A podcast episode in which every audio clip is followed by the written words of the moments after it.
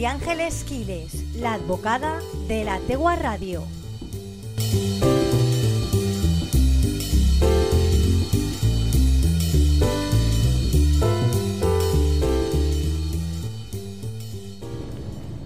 Eh, hola, buenas tardes. Soy Carlos Peñarrubia, letrado, compañero de María Ángeles Quiles y en principio es comentaros cómo ha ocurrido durante todo este confinamiento los procedimientos judiciales.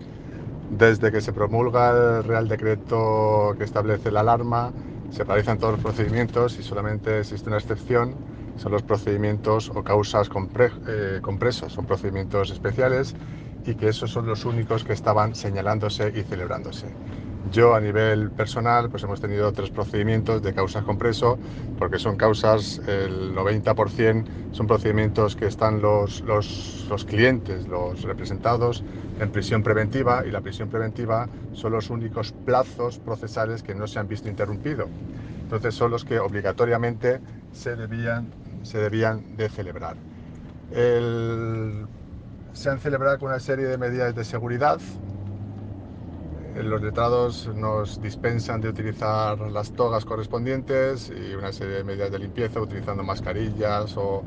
mamparas y los presos en muchos de ellos se ha celebrado por videoconferencias para evitar el contacto. El resto de procedimientos están todos parados eh, desde o a partir del día 4, es decir, a partir del día de ayer,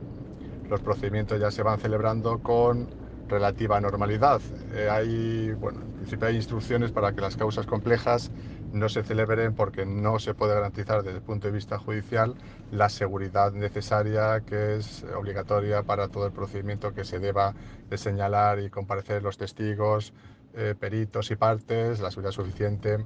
para que pueda garantizar que no va a haber ningún tipo de contagio. Entonces, dado que desde el punto de vista judicial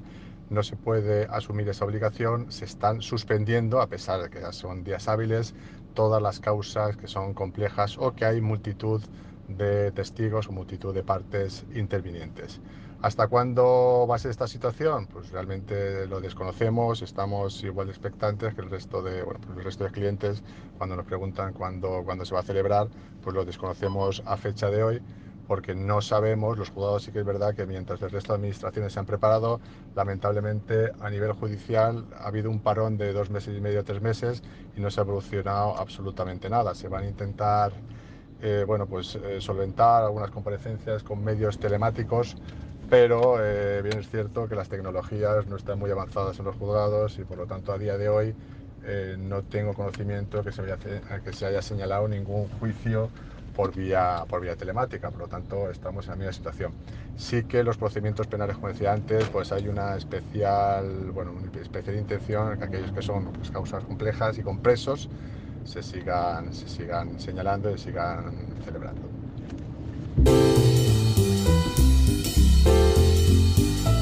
María Ángeles Quiles, la advocada de la Tegua Radio.